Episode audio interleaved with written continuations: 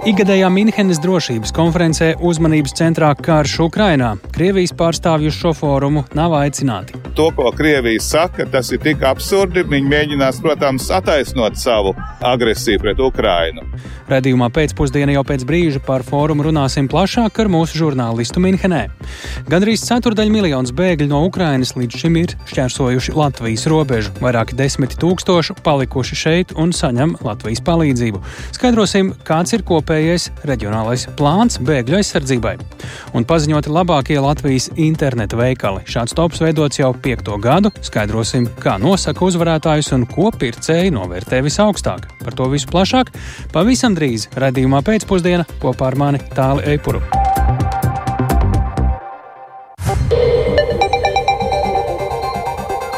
16,5 minūtes skan pēcpusdienas ziņu programma, skaidrojot šodien svarīgus notikumus. Studijā tālāk Eipurs. Ar karu Ukrainā uzmanības centrā pirms neilga brīža sākusies ikgadējā Minhenes drošības konferences Vācijā. Bavārijas galvaspilsētā notiekošajā formā šogad piedalās vairāk nekā 40 valstu un valdību vadītāji un ap simt ministru. Minhenē šobrīd atrodas arī kolēģis Rihards Plūme. Saka, Rihards, ar ko šogad konference ir īpaša un par ko tajā tiek un tiks runāts? Jā, labdien! No nu, šogad Minhenes drošības konferences viennozīmīgi ir īpaša ar to, ka tā notiek laikā, kad Krievija turpina karu Ukrainā un tieši pēc nedēļas, apritēs gads, kopš Krievija atkārtot iebruka šajā valstī, Tādēļ saprotams, ka galvenā uzmanība ir pievērsta tieši šim jautājumam, un konferences dalībnieki meklēs atbildes uz daudz un dažādiem jautājumiem. Piemēram, kas tad bija pamatā Krievijas atkārtotajam iebrukumam Ukrainā, kāpēc daudzas valstis joprojām vilcinās atbalstīt Ukrainu un nosodīt Krieviju? Tiks meklēts atbildes arī uz jautājumu, kā tad saukt Krieviju pie atbildības par to, ko tā pastrādā Ukrainā, un arī uz to, kādas sekas šis karš atstājis uz uh, globālo ekonomiku. Ievadrunu video formātā šodien teica Ukrainas prezidents uh, Valdimirs Zelenskis, kurš karu pret Krieviju salīdzināja ar Dāvidu un Goliātu cīņu un arī norādīja, ka rietumiem ir jārīkojas uh, ātrāk atbalstot Ukrainu un ierobežojot Krieviju, jo Kremlis nebūtu nesnauž un turpina uzbrukt un pielāgojas arī to starp rietumu noteiktajām sankcijām. Eh, pirms eh, Zelenska konferences šodien atklāja tās eh, direktors Kristofs Heizgens un paklausīsimies viņa teiktajā. On the 20th of February 2022, the Munich Security Conference last year closed. 2022. gada 20. februārī Minhenes drošības konference noslēdzās, un mums bija cerība, ka Vladimirs Putins būs iespaidots no konferencē demonstrētās starptautiskās sabiedrības vienotības. Mēs visi zinām, kas notika. Vladimirs Putins. Šī ir pirmā reize kopš otrā pasaules kara, kad Eiropā viena valsts liedza tiesības uz eksistenci citai valstī un uzsāka visaptverošu karu. Ukrainā mēs redzam cīņu nevis starp rietumiem un austrumiem, nevis starp NATO un Krieviju vai starp Eiropas Savienību un Krieviju, bet cīņu starp likuma varu un spēka varu. Šī ir cīņa, kas satrauc visu pasauli. Jā, uh, Rihard, kas šogad uh, piedalās konferencē? Uh, mēs jau minējām valstu vadītājus, ministrus, un kas arī svarīgi, vai tajā klāt ir arī kādas oficiālas personas no Krievijas? Jā, nu Krievija šogad nav pārstāvēta, un tas notiek pirmo reizi vairāk desmit gadu laikā. Maskavai ir lieta dalība, un uh, iepriekš uh, konferences eh, direktors, eh, kur tikko arī dzirdējām nedēļas sākumā, paziņoja, ka šis fórums nedrīkst būt platforma Krievijas prezidentam un viņa valdībai propagandas izplatīšanai. Pirms pāris stundām runāju arī ar Latvijas valsts prezidentu Egilu Levitu, kurš arī atrodas šeit Minhenē, un kā viņš izteicās, tad Krievijas nepielēšana konferencē ir absolūts pareizs lēmums pilnīgi pareizs lēmums, jo to, ko Krievija saka, tas ir tik absurdi. Viņi mēģinās, protams, attaisnot savu agresiju pret Ukrainu. Un tas ir kaut kas tāds, par ko vispār būtu jāpasmējās, ja tas nebūtu traģiski. Tur nekāda argumentācija nav, un tādēļ arī nav eh, nekādas jēgas šeit tērēt laiku uzklausot Krievus. Jā, nu Minhenē atrodas arī mūsu ārlietu un aizsardzības ministri, un, ja runājam arī par citām valstīm, tad klātesoši ir arī, piemēram, Francijas un Polijas prezidenti, ka mums neilgu brīžu noslēdzās arī uh, paneļa diskusija ar Vācijas kancleru Olafu Šolcu, tāpat arī Ukrainas ārlietu ministrs Dmitro Kulēba ir klātesoši, arī ASV viceprezidenta un valsts sekretārs, Eiropas komisijas pārstāvji un NATO ģenerālsekretārs Jens Stoltenbergs. Un valstu pārstāvjiem konferences laikā gaidāms arī daudzas tikšanās dažādos um, privātos formātos, tā teikt, nos no žurnālistu acīm un uh, ausīm.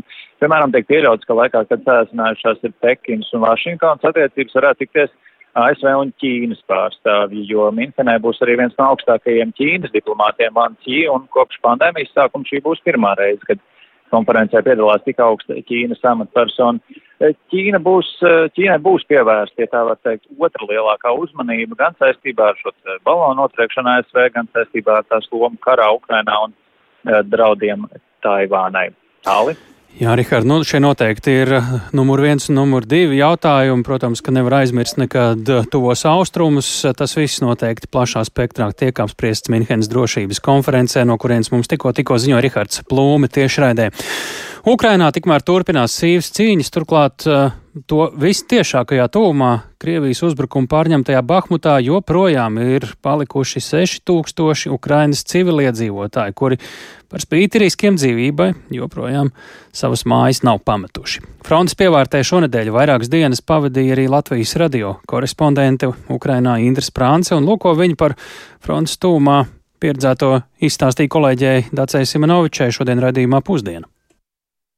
Četras dienas pavadīju kopā ar eh, brīvprātīgiem no organizācijas Save Ukraine, kas eh, evakuēja cilvēkus no frontes karstajiem punktiem, un eh, vienība, kurai es pievienojos, darbojas ļoti plašā teritorijā Doņetskas apgabalā. Katru dienu saņem izsaukums no cilvēkiem, arī no Bahmutas, kas beigās tomēr piekrituši evakuēties un ļauj, lai viņus izved no šiem karstajiem punktiem. Pamatā tās ir vietas frontes pievārtē, kur jau sen vairs nav elektrība, daudz viet nedarbojas arī telefona sakara un tās nemitīgi tiek apšaudīts. Es pati arī divas reizes biju Časivjārā, kas ir apdzīvot vieta pāris kilometru attālumā no Bahmutas, un tur patiešām ļoti tuvu notiek kara darbība. Daudz sēkas ir iznīcināts, cilvēki dzīvo pagrabos, tomēr joprojām daļa apdzīvotās vietas iedzīvotāji joprojām nevēlas pamest savus mājas. Esot tur Časivjārā, es arī sastapu vietējo stārastu, jeb vecāko, kas atbildīgs par trīs ciemiem uzņēmējiem apkaimē, un viņš arī apzina tos iedzīvotājus, kuri ir gatavi, kuri nav gatavi evakuēties, un tad palīdz organizēt tiem, kas ir uh, gatavi šo izbraukšanu. Nu, tā kā telefona sakara tur tagad nav. Paklausīsimies mazu fragmentiņu no sarunas ar viņu. Nu, Aptuveni 200 simts cilvēki vēl ir palikuši. Jūs sakat, lai brauc prom? Jā, bet kā kuram? Vienam nav kur braukt, citam nav naudas. Mēs jau lieliski zinām, kāda tur ir situācija. Cilvēki tur aizbrauc, nav viņiem kur palikt. Cik jums bērnu šobrīd ir? Bērnu vairs nav. Visus izveda, vakar pēdējos aizveda. Ko jūs tālāk darīsiet? Pagaidām strādājam. Es strādāju vietējā pašvaldībā. Līdz pēdējiem, kā saka, kapteinis aiziet. Es taču nepametīšu cilvēkus. Я Jā, nu tikko dzirdējām atbildīgo par trīs ciemiem, kurš palīdz cilvēkiem evakuēties. Bet, Indra, saki, ko tev cilvēki saka, kāpēc viņi nevēlas braukt prom? Jā, vakar, piemēram, es runāju ar diviem cilvēkiem, kurus vakar izved no Bahmutas. Viņi sacīja, ka viņi tur palikuši, lai sargātu savus mājas. Jā. Vienam vīrietim māju vakar no rīta sabombardēja, un viņš tobrīd bija izgājis. Viņam paveicās, viņš ir vesels, bet nu, viņš beidzot piekrita, ka viņu izved no turienes un deva ziņu brīvprātīgajiem, ka viņš ir gājis gatavs braukt prom. Un arī otrs vīrietis teica, ka palicis tur tik ilgi, lai nosargātu savu īpašumu. Arī viņa mājas pagalmā ir trāpīts, un tagad viņš tomēr piekrita evakuēties un šiem tā lūgumiem braukt projām. Ir redzams, ka šis lēmums viņiem ir ļoti smags, jo nu, jāsaprot, ka cilvēki tur atstāja pilnīgi visu savu iedzīvu un sāk dzīvi no nulles svešā vietā. Dažiem ir ļoti, ļoti grūti. Bet, nu, vismaz sākotnēji tur cilvēkiem ļoti palīdz brīvprātīgie, gan tie, kas ikdienā, riskējot arī ar savām dzīvībām, viņiem ved pārtiku, ūdeni uz šīm vietām, kur patiešām notiek kara darbība. Un gan arī pēcāk, ja viņi piekrīt evakuācijai, tad tālāk gan izvedot, gan palīdzot nokārtot visas formalitātes, lai viņi saņem pabalstus, lai viņi nonāktu savos galamērķos, ja viņiem ir tādi, vai arī, ja ir iespējams, tad viņus vienkārši pārceļ. Ukrainā ir tāda palīdzības programma bēgļiem no šiem frontes rajoniem rajoniem, kur katra apgabala cilvēki tiek pārcelt uz, uz citu, kur viņiem nodrošināt vietu, kur viņi var pastāvīgi uzturēties ilgāku laiku, nevis tikai pagaidu mītnes. Tiem, kuriem ir kādi tuvinieki, tiem uh, brīvprātīgie palīdz nodrošināt to, lai viņi bez maksas var ar vilcienu nobraukt šos lielos gabalus līdz vietai, kur viņiem ir šie savējiem. Tiem, kam nav, tad ir iespējas gan palikt tādas īpašas mājas, gan ir tādas konteineru mājiņas, gan ir citas vietas, kur ir iespējams šiem bēgļiem uh, apmesties. Bet jāsaka, ka tā vēlme apmesties tur un pārcelties un izmantot šīs iespējas patiešām nu, tāda liela piesardzība tiek pieņemta, jo īsnībā nedroši ir, ir daudz vietu Ukrainā un arī pat tādos nosacīti attālākos rajonos no pašas frontes līnijas, jo, nu, piemēram, tad, kad mēs trešdien, kad mēs izbraucām uz evakuāciju, atgriežoties jau atpakaļ vietā, kurā mēs tobrīd apmetāmies, bija Pakrovskā, tad uh, mēs uzzinājām, ka tur, nu, pat tajā dienā arī trāpīja trāpījis raķete daudzstāvu dzīvojamā ēkā, kas arī plaši ziņās tika atspoguļots uzbrukuma rezultātā. Tika nogalināti trīs vietēji iedzīvotāji, vēl 11 tika nopietni ievainot. Tā ka tā situācija ir diezgan nu, sarežģīta un riskanta. Ir daudz vietu Ukrainā, bet plašāk par visu to, kā notiek cilvēku evakuēšana no frontes karstajiem punktiem, varēs uh, noklausīties uh, reportāžā jaunadēļ. Tā ir nedēļa, kad aprit gads kopš Krievijas vispārējā iebrukuma Ukrainā. Tā Indras Prānce, Latvijas radio korespondente Ukrainā par savu pieredzi tiešā frontes tūmā Bahmutā, skatoties tieši kā civiliedzīvotājiem izdodas pamest šo bīstamo rajonu. Bet gandrīz ceturdaļa miljonus bēgļu no Ukrainas līdz šim ir šķērsojuši arī Latvijas robežu, un vairāki desmiti tūkstošu ir šobrīd šeit un saņem Latvijas palīdzību. Tieši tāpēc Šodien ANO bēgļu aģentūra kopā ar Latvijas iekšlietu ministriju atklāja reģionālo bēgļu aizsardzības plānu Latvijā. Tas ietekmēs vairāk nekā 4 miljonus Ukrainas bēgļu desmit Eiropas valstīs un koordinēs atbalstu starp simtiem partneru. Plašāk Zaneniņa. Latvijas bēgļu aizsardzības plāns ir daļa no lielāka reģionāla plāna, kas tika izveidots jau pirms nepilna gada, tiklīdz sākās Krievijas iebrukums Ukrainā. Sākumā plāns aptvēra piecas valstis, bet nu paplašināts un iekļauj desmit valstis, ieskaitot arī Latviju. Pievienošanās lielākam plānam mērķēta galvenokārt uz to, lai Latvijā jau iesāktā palīdzība Ukrainas bēgļiem, ko sniedz gan valsts, gan ļoti lielā mērā arī nevalstiskās organizācijas, neapstātos. Tā plāna atklāšanā teica ANO bēgļu aģentūras pārstāvniecības Ziemeļvalstīs un Baltijas valstīs vadītājs Henriks Nordentofts. ANO bēgļu aģentūra pulcē pilsoniskās sabiedrības organizācijas, lai pievērstu uzmanību to lomas un vajadzību nozīmīgumam. Jo, lai gan sākotnēji lielu darbu var izdarīt brīvprātīgi, tam ir vajadzīga ilgspēja, vajadzīga struktūra. Bēgļu aģentūras pārstāvis skaidroja, ka tas nozīmē palīdzības sniegšanas pārredzamību un koordināciju, piemēram, bēgļu transportēšanā un izmitināšanā. Teiksim, tad, ja kāds uzņēmies atvest cilvēkus no Ukrainas uz citu valsti, lai būtu pārliecība, ka galā viņus kāds sagaida un viņiem ir jumts virs galvas. Plāns paredz arī iespēju īstenot tādus palīdzības veidus, kuriem līdz šim veltīts mazāk uzmanības. Piemērus min organizācijas Gribu palīdzēt bēgļiem valdes locekle Agnese Lāce jauniešu iekļaušanas aktivitātes tieši neformālās izglītības un tādas, teiksim, kopienu miedarbības jomā. Tāpat arī novērtējums līdzinējiem pašvaldības sniegumam Ukraiņu uzņemšanā.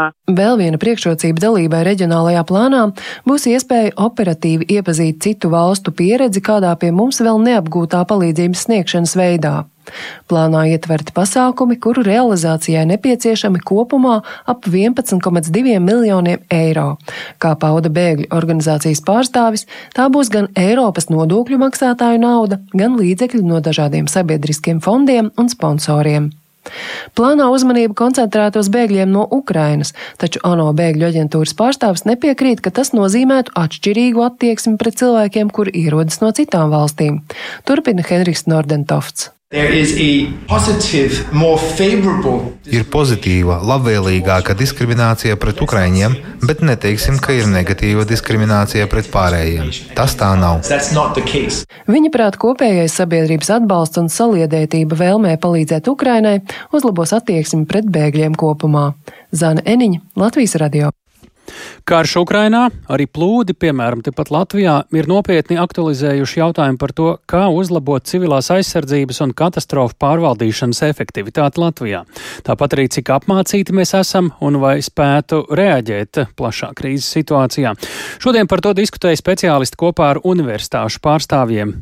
Secinājums ir viens, priekšā vēl ir daudz darāmā, tāpēc svarīgi jau šodien runāt par iespējām, ko iekšējai drošībai var sniegt zinātne un mācību spēki. Par diskusijās priesto plašāk Lindas Spundiņas ierakstā. Dažādi satricinājumi un katastrofas pasaulē liek mums aizdomāties par to, cik svarīgi ir sagatavoties krīzes situācijām šeit pat. Diemžēl visbiežāk gan sanāk sakas likvidēt, nevis darīt visu, lai no nelaimēm izvairītos. Tā šīs dienas diskusijā secina civilās aizsardzības un katastrofu pārvaldības eksperti. Svarīgi šādās situācijās būt apmācītiem, tādēļ sarunās ar universitāšu pārstāvjiem pārunāja sadarbības iespējas. Būtiski ir mācībām piemērota vide, kas ir viens no ieguvumiem, ko universitātes var sniegt, saka neatliekamās medicīniskās palīdzības dienesta direktora Liena Cipula. Svarīgi, ka šiem jautājumiem ir jāatrodas profesijas standartos un prasībās, par kuriem šodien daudz runā. Vēl pavisam nesen ārsti mācījās militāro medicīnu, šodien vairs nemācās. Vēl pavisam nesen mums bija kara katedra, šodien mums vairs nav. Un, protams, šī bāze arī, lai būtu spēcīgi pasniedzēji, mācību spēki, kas var realizēt šīs programmas. Bet finansējums faktiski mūsu gatavības stiprināšanai, apmācību organizēšanai, neatliekamās palīdzības dienestam nav atsevišķi atsevišķi izdalīts. Savukārt valsts ugunsdzēsības un glābšanas dienesta priekšnieka vietnieks Mārtiņš Baltmans norāda, ka zinātniskie pētījumi un tehnoloģiskie risinājumi var palīdzēt sagatavoties krīzes situācijām. Tā pati paplašinātā realitāte vai mākslīgā intelekta, dažādas programmas, ar kurām mēs varam apmācības procesā radīt vidi, kas ir ļoti pielāgota varbūt apdraudējuma videi respektīvi neesot konkrēti apdraudējumā. Es pat esmu redzējis nu, atsevišķos gadījumos, kad mēs pat varam eh, gandrīz eh, pirmo palīdzību sniegt eh, šajā virtuālajā realitātē vai ugunsgrēku dzēst. Latvijas Universitātes rektors Indriķis Mužnieks speciālistiem norāda, ka universitātes un zinātnieki ir gatavi sadarboties un veicināt valsts civilo aizsardzību.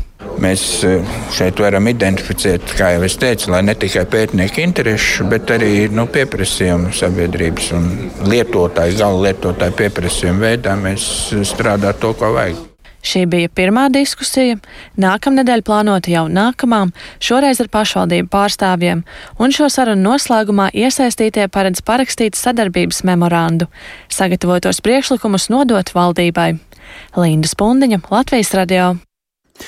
Pēc jaunākajiem pašvaldības plāniem bāžas par Daugalpils cietokšņa turpmāko attīstību pauž Nacionālā kultūras mantojuma pārvalde. Un paziņoti labākie Latvijas interneta veikali. Šāds tops veidots jau piekto gadu un skaidrosim, kā nosaka uzvarētājs un ko pircēji novērtē visaugstāk. Tas viss tuvākajās minūtēs raidījumā pēcpusdienā.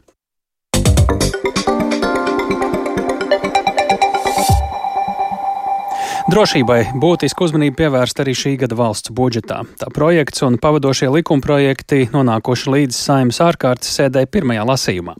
Lielākais finansējums budžetā ir paredzēts aizsardzībai, bet būtiskākās reformas tuvākajos gados nepieciešamas izglītības un veselības jomā. Tā izskan runās no saimas tribīnes. Sēdē par budžeta plāniem izskan gan skaidrojumi, gan skarba kritika, un sēdē debatas vēl arī nebeidzas. Vairāk Jāņa Kīņš sagatavotajā ierakstā. Salīdzinot ar pagājušo gadu, šā gada budžeta plānā gan ienākumi, gan izdevumi auguši par vairāk nekā 2 miljardiem eiro. Tas noticis inflācijas un ar to saistītu notikumu ietekmē. Atkāpjoties Covid laika problēmām, jārēķinās ar grūtībām pēc Krievijas iebrukuma Ukrainā. Taču arī šā gada budžets apliecinās atbalstu Ukrainai un cīņu ar energoresursu sagādu un izmaksām. Pirmajā vietā topošajā budžeta projektā ir valsts drošība un aizsardzība. Debatēs gan lielākā loma veltīta reformām reformām skolu un slimnīcu darbības pārskatīšanā. Pedagoģu algu un veselības aprūpas jautājumi nav risinām tikai ar nebeidzamām naudas piešpricēm. Tas debatēs izskanēja vairāk kārt, un to atkārtoja arī izglītības un zinātnes ministre Anda Čakša no jaunās vienotības. Pēdējos 30 gados Latvijā demogrāfija ir būtiski mainījusies. Un mums ir jābūt pietiekami fleksibliem, lai mēs sekotu līdz šīm demogrāfijas pārmaiņām un balstītu gan skolu tīklu, gan slimnīcu tīklu, gan pārējo pakalpojumu tīklu uz to, kāds ir iedzīvotāju sastāvs. Mums nav cita ceļa. Mums ir jāmaina savs skolu tīkls, mums ir jāsāk maksāt skolotājiem. Tas jau ir neizbēgami. Saimas opozīcijas ieskatā nepareizi ir pieeja veidot konservatīvu budžeta politiku, ierobežojot izdevumu iespējas. Tas nepalīdzēšot arī skrejienā pakaļ Lietuvas un Igaunijas panākumiem. Šā gada budžeta projekts neparedzot nevienu reformu, turklāt veidots ar vēlmi disciplinēt sabiedrību, nevis izmantot tās radošo potenciālu, izskanēja debatēs. Tādēļ valsts galvenie finansējuma un rīcības plāni saucam par sīkstuļa budžetu. To, pievēršamies noraidītām idejām vairākās jomās, pauda deputāts Andris Šuvājevs no progresīvajiem. Kādēļ, it īpaši augstas inflācijas un nedrošības apstākļos, budžetā plānots noraidīt tik atbalstām un solidāru ieceru kā jaundzimušā pūriņš vecākiem? Kādēļ joprojām netiek atrasts finansējums turpmākajiem gadiem pedagoģu taisnīgajām prasībām, it īpaši pirmskolas programmās, kur katrs ieguldītais eiro ilgtermiņā atmaksājas vairāk kārtīgi? Kādēļ tas netiek atrasts slimību prevencijai un onkoloģijai? Un es saprotu, ka koalīcijas pārstāvji man nekavējoties norādīs uz faktiski piešķirtajiem līdzekļiem vai skaidros, ka finansējums nav atbilde visām problēmām. Tomēr šī taktika, ko īsteno valdība, sakot reformas pirms finansējuma, manuprāt, ir kļūdaina. Stundām ilgām debatēm par budžetu nākamās nedēļas sākumā sekos deputātu priekšlikumu iesniegšana uz galīgo lasījumu. Iespējas virzīt vēl kādas pašlaik budžetā neiekļauts iniciatīvas tuvākajā laikā izvērtēs Finanšu ministrija un valdība. Budžetu saimā paredzēts pieņemt līdz 8. martam, lai tas stātos spēkā 1. aprīlī.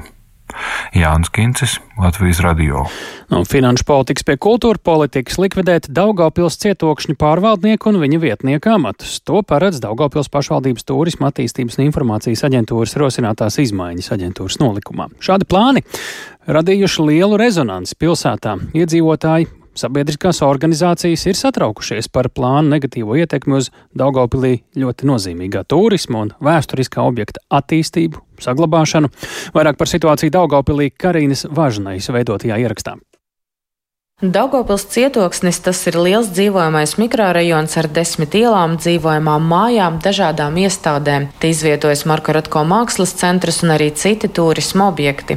Šobrīd lielu satraukumu sabiedrībā izraisījusi Daugopils turisma attīstības un informācijas aģentūras iecere veikt izmaiņas iestādes saistošajos noteikumos. Precīzāk svītrot punktu, kas paredz, kā aģentūra nodrošina Daugopils cietokšņa kompleksa izpēti, saglabāšanu un iekļaušanu aktīvā turisma apritē. Tas nozīmē, ka tiks likvidētas divas amata vienības - cietokšņa pārvaldnieka un viņa vietnieka amati. Tie cilvēki bija tikai kā starpnieki starp cietakšņa iedzīvotājiem un starp apsaimniekotājiem. Aģentūras direktoras pienākumu izpildītāja Jeļena Aferonaka, kas ieņem šo amatu kopš pagājušā gada novembra, skaidro, ka neredz pamatu saglabāt cietokšņa pārvaldnieka un vietnieka amatus un satraukumam, ka cietokšņa attīstība varētu apstāties, nesot pamata kā iepriekšējos 11 gados attīstības departaments sāka attīstīt šo cietoksni rakstā projektus, tā arī paliks. Šajā gadījumā es neredzu nekādu iegūtu darbinieku tā, lai viņi kaut ko staigātu un runājāt piepriekšņiem iedzīvotājiem. Ja tā domā, tad mums te katrā pilsētas rajonā par pārvaldnieku un apsaimniekotāju. Šiem argumentiem gan nepiekrīt cietokšņa pārvaldnieks Jānis Dukšinskis, kurš norāda, ka bez dažādu pašvaldības iestāžu darba koordinācijas tik lielā kultūra vēsturiskā objektā vienkārši iestāsies haoss. Bet, ja runājam par cietokšņa attīstību un to, ko mēs dzirdam, dzirdam no dažiem cilvēkiem, ka cietokšņas ir parasts mikrojons un uh, nav problēma visiem kaut ko darīt pa bišķai un tas būs kārtībā un mēs esam lieka, liekas tur un tā tālāk. Tas ir absolūti netaisnība un melī. Ja. Kādreiz tika izstrādāta kopā ar eh, Norvēģijas instrumenta palīdzību cietokšņa restaurācijas apsaimniekošanas vadlīnijas, kur eksperti, ārzemju eksperti gan no Vācijas, gan no Norvēģijas pētīja, kā cietokšņus apsaimnieko Eiropā.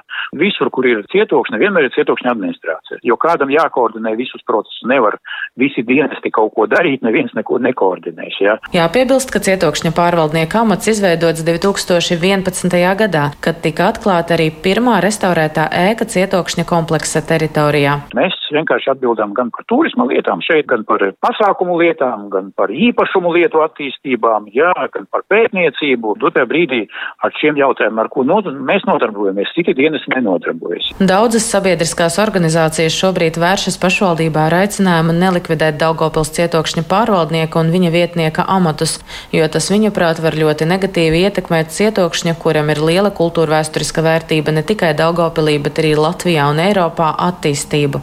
Vēl līdz 20. februārim iedzīvotājiem ir iespēja paust savu viedokli saistībā ar plānotajām izmaiņām sabiedriskajā apspriešanā. Karina Važnē, Sergijas Kuzņicovs, Latvijas radio studija Latgalē.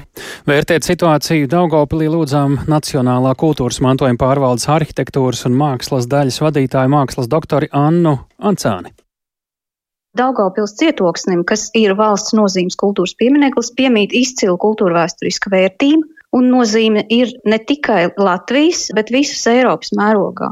Kopumā arī tik labi saglabājušies militārās arhitektūras objekti ar visiem fortifikāciju sistēmas elementiem ir tipoloģiski ļoti reti un citās valstīs tiek ļoti augstu novērtēti, kļūstot par tādiem pilsētas kultūras dzīves epicentriem un starptautiskiem turisma magnētiem. Tieši tādēļ arī gribētos uzsvērt, ka šis objekts ir ilgstoši bijis pamestības stāvoklī, un šīs vietas atzimšana ir notikusi pateicoties ļoti lielam ieguldītajam darbam. Nacionālā kultūras mantojuma pārvalde tās vadītājs personīgi arī veltīs ļoti daudz laika šī objekta vērtības skaidrošanai un pārliecināšanai. Un tagad, kad šis objekts ir kļuvis par Daugavpils vietas zīmi būtībā, lielā mērā pilsētas atpazīstamības simbolu, ir ļoti žēl, ka šobrīd ir šāda attieksme izveidojusies brīdī, kad cietokšņa attīstībā ieguldīts tik daudz pūļu un darba. Tajā pašā laikā pašvaldībā saka, ka cietoksnis jau nepaliek novārtā, ir pašvaldības e, iestādes, kas turpinās šo darbu.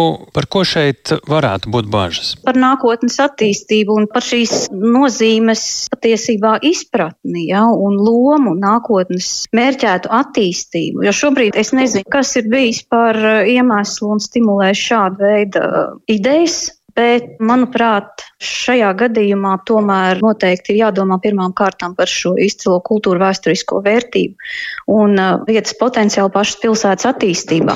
Un es domāju, ka šobrīd esošais modelis to noteikti palīdzēja uzturēt un uh, saglabāt. Un, ja tam visam par pamatu ir kaut kāda ekonomiska apsvēruma, tad es domāju, ka tas ir tāda liela tuvredzība tādai domāšanai. Vai līdz šim pašvaldība pārvaldes ieskatā ir veltījusi pienācīgu uzmanību šī pieminekļa uzturēšanā, kopšanā, pētniecībā, attīstīšanā? Cik atbilstoša citiem vārdiem līdz šim ir bijusi pašvaldības uzmanība šim objektam? Nu, bija šis pārvaldnieks, bet vai ar to pietika? Pēdējos gados gribētos uzsvērt to, ka 21. gadsimta sākumā ir uzsākta mērķiecīga cietokšņa atjaunošana, tāda objekta kā ūdens tornis, un ir Marka Rotko centrs, ļoti labi zināmais. Līdz pagājušajam 2022. gadam ir atjaunota atjaunot vairāki objekti. Nikolai vārti, tilts un sardzes ēka, inženieru arsenāla ēka, pulveru noliktava. Tā kā ir izdarīts ļoti, ļoti daudz patiesībā. Bija tāds gandarījums, ka šīs pūles ir devušas rezultātu. Tur jau ir ļoti, ļoti daudz darba, kas būtu vēl jāiegulda un jāattīst vēl uz priekšu. Šobrīd pārvalde vai rīkosies, un, ja rīkosies, tad kāpēc eh, šādu ziņu no Daugavpils saņemšanas? Šī ziņa ir būtībā jauna. Tagad mums ir jāsāk ar to, ka mēs skaļi paužam savu viedokli, un es domāju, ka mēs to noteikti darīsim, jebkurā gadījumā. Mums, es domāju, varbūt pat ir eh, jārunā vēl detalizētāk, varbūt mēs arī savā starpā arī vienosimies, kā mēs tālāk rīkosimies. Arī ar pašvaldību vajadzētu sazināties? Ja būs nepieciešams, mēs to darīsim noteikti noteikti. Šajā gadījumā ir pilnīgs neprāts nenovērtēt šīs vietas potenciālu Daugavpils nākotnes attīstībā. Tas ir viennozīmīgi, un tas ir arī mūsu iestādes viedoklis. Tā Nancāne no Nacionālā kultūras mantojuma pārvaldes. Par pašvaldības īstenotu kultūra politiku arī turpinām šoreiz ogrē. Pēc ogres muzeja protesta pret domas priekšsarētāja Egila Helmaņa no Nacionālās apvienības iecerēto Krievijas oligārha Piotra Avena porcelāna izstādi turpinām saņemt ziņas par korekcijām muzeja šī gada plānos. Vakardienas pasākums nepieradinātā Omāna ciklā Ogrēnieši ceļo, ko no Ogres muzeja uz pilsētas centrālo bibliotēku lūdz pārcelt tieši pašvaldība, nav vienīgais, kur skārušas izmaiņas. Arī muzeja izstāžu programma ir apstādināta. Par notikušo vairāk stāstīja Ieva Puķa. Martā nenotiks Ārņa Balčas fotoizstāde Latvija Covid laikā, pat labam nav dota zaļā gaisma ne aprīlī iecerētajai izstādei Latviešu mūzika vinilā, ne jūnijā paredzētajai izstādei Koronetes, Edītes Pauls Vīgneres vainagi. Situācija Ogres vēstures un mākslas muzejā ir neapskaužama. Latvijas radio šodien atzina muzeja sabiedrisko attiecību darbiniece Inga Zvirbule.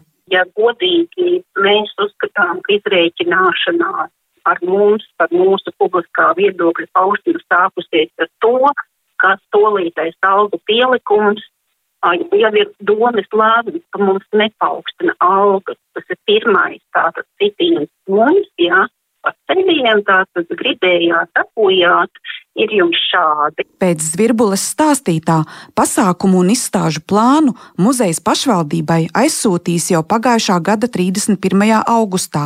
Līdz Ārņa Balčas fotoizstādei bija paredzēts eksponēt Māras kažociņas gleznas, jo Artūra Riņķa kinētiskās mākslas izstādē, kam arī bija jānotiek šajā laikā, radušās tehniskas problēmas. Taču decembra beigās muzejs no pašvaldības vadītāja Egīla Helmaņa saņēma rīkojumu, ka februārī šeit šeit notiks sankcijām pakļautā Krievijas uzņēmēja Piotra Avena labdarības fonda paudze porcelāna izstāde. Zvirbulē atzīmē, ka decembrī mērs Helmanis novada kultūras dzīves pāraudzīšanai arī izlēms izveidot īpašu komisiju, pats kļūstot par tās priekšsēdētāju. Avena porcelāna izstādi 1. februārī tomēr neatklāja. Pēc šī soļa arī sākušās pašvaldības sankcijas pret savu muzeju pamatotas bažas, ka tiek apšaubīta mūsu kompetence, profesionalitāte un vispār, kur, kāpēc nav nekāda nolikuma, kas sakārto šīs lietas tik ilgā laikā, ka ir pašvaldība jāatbild uz tās pakļautībā esošas iestādes vai cik ilgā laikā jāsaskaņo kaut kas. Savukārt Ogres novada pašvaldība uz vakar uzdotajiem Latvijas radio jautājumiem par muzeja programmas ietekmēšanu piekrita atbildēt vien rakstveidā. Šodien saņemto izpilddirektora vietnieces Danas Bārbeles vēstuli radio formātā tomēr nebija iespējams citēt pilnā apjomā, kā lūdza pašvaldība. Tajā skaidrots, ka Ogres muzeja 2023. gada budžetu apstiprināja vien 15. februāra domas sēdē, tāpēc arī nebija akceptēts muzeja šī gada izstāžu un pasākumu plāns. Muzeja direktorei Evijai Smilteniecei pašvaldība pārmet nepatiesas informācijas izplatīšanu. Tālāk citēju. Muzejs budžeta pieprasījumā 2023. gadam bija pieprasījis finansējumu par pasākumiem un darbībām, kas netiek veiktas vai kam pat muzejs neplānoja izlietot budžetā pieprasītos finanšu līdzekļus. Muzeja sabiedrisko attiecību darbiniece Inga Zvirbule Latvijas radio tikmēr sacīja, ka šodien no domas saņemts rīkojums komunikāciju gan medijos, gan sociālajos tīklos turpmāk saskaņot ar pašvaldības sabiedrisko attiecību nodaļu. Ieva Puķe, Latvijas radio. Zināmi 2022. gada labākie Latvijas interneta veikali Pētījuma kompānijas Kantara aptaujā pircēji ir eh, novērtējuši savu iepirkšanās pieredzi dažādos e-veikalos. Šodien ikgadējā konkursā Latvijas e-commerce awards apbalvoti iecienītākie interneta veikali 11 kategorijās. Kā nosaka uzvarētājs un kas pircējus iepirkšanās vietnēs uzrunā visvairāk? Plašāk Agnijas Lazdiņas ierakstā. Uzvarētājs nominācijai iecienītākais interneta veikals izvēlas pircēji, kas pēdējo sešu mēnešu laikā veica vismaz vienu pirkumu internetā. Aptaujā norādot konkrēto interneta veikalu, vērtēja savu pieredzi desmit ballu skalā.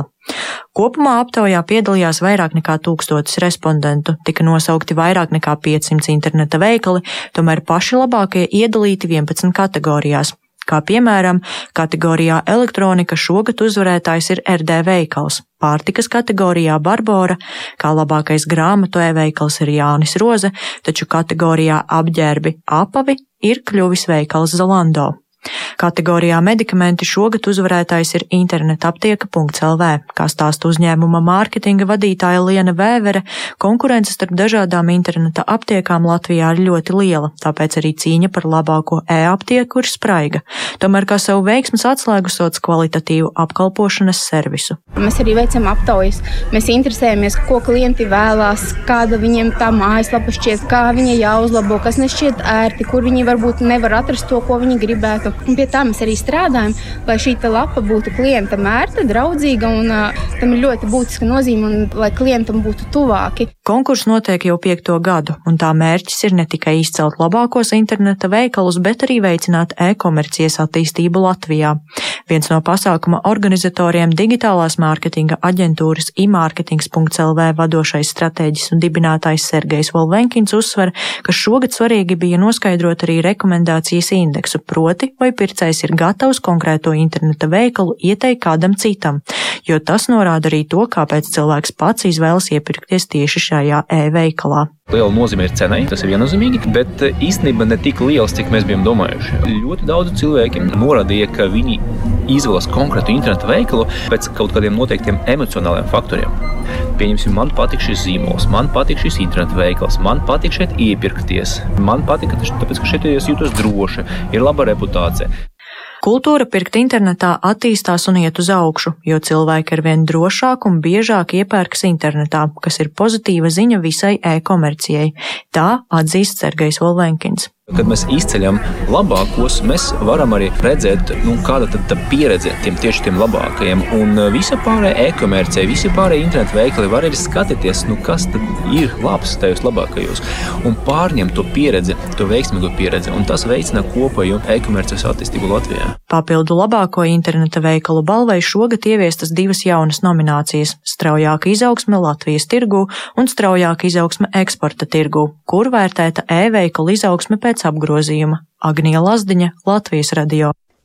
Radījumā pēcpusdienā meklējām arī pēc eksperta vērtējumu Svetbanka naudas pārvaldības daļas vadītājs, kurš arī vairākus gadus strādājis tieši ar e-komerciju Valdis Vaišļi pie mūsu klausulas. Labdien! Sveiki, labdien! Reiz tikko runājām par labākajiem interneta veikaliem, tā mūsdienās gan jau ir tikai daļa no visa e-komercijas procesa un sistēmas. Tas jomas plašums noteikti ir krietni plašāks, ne?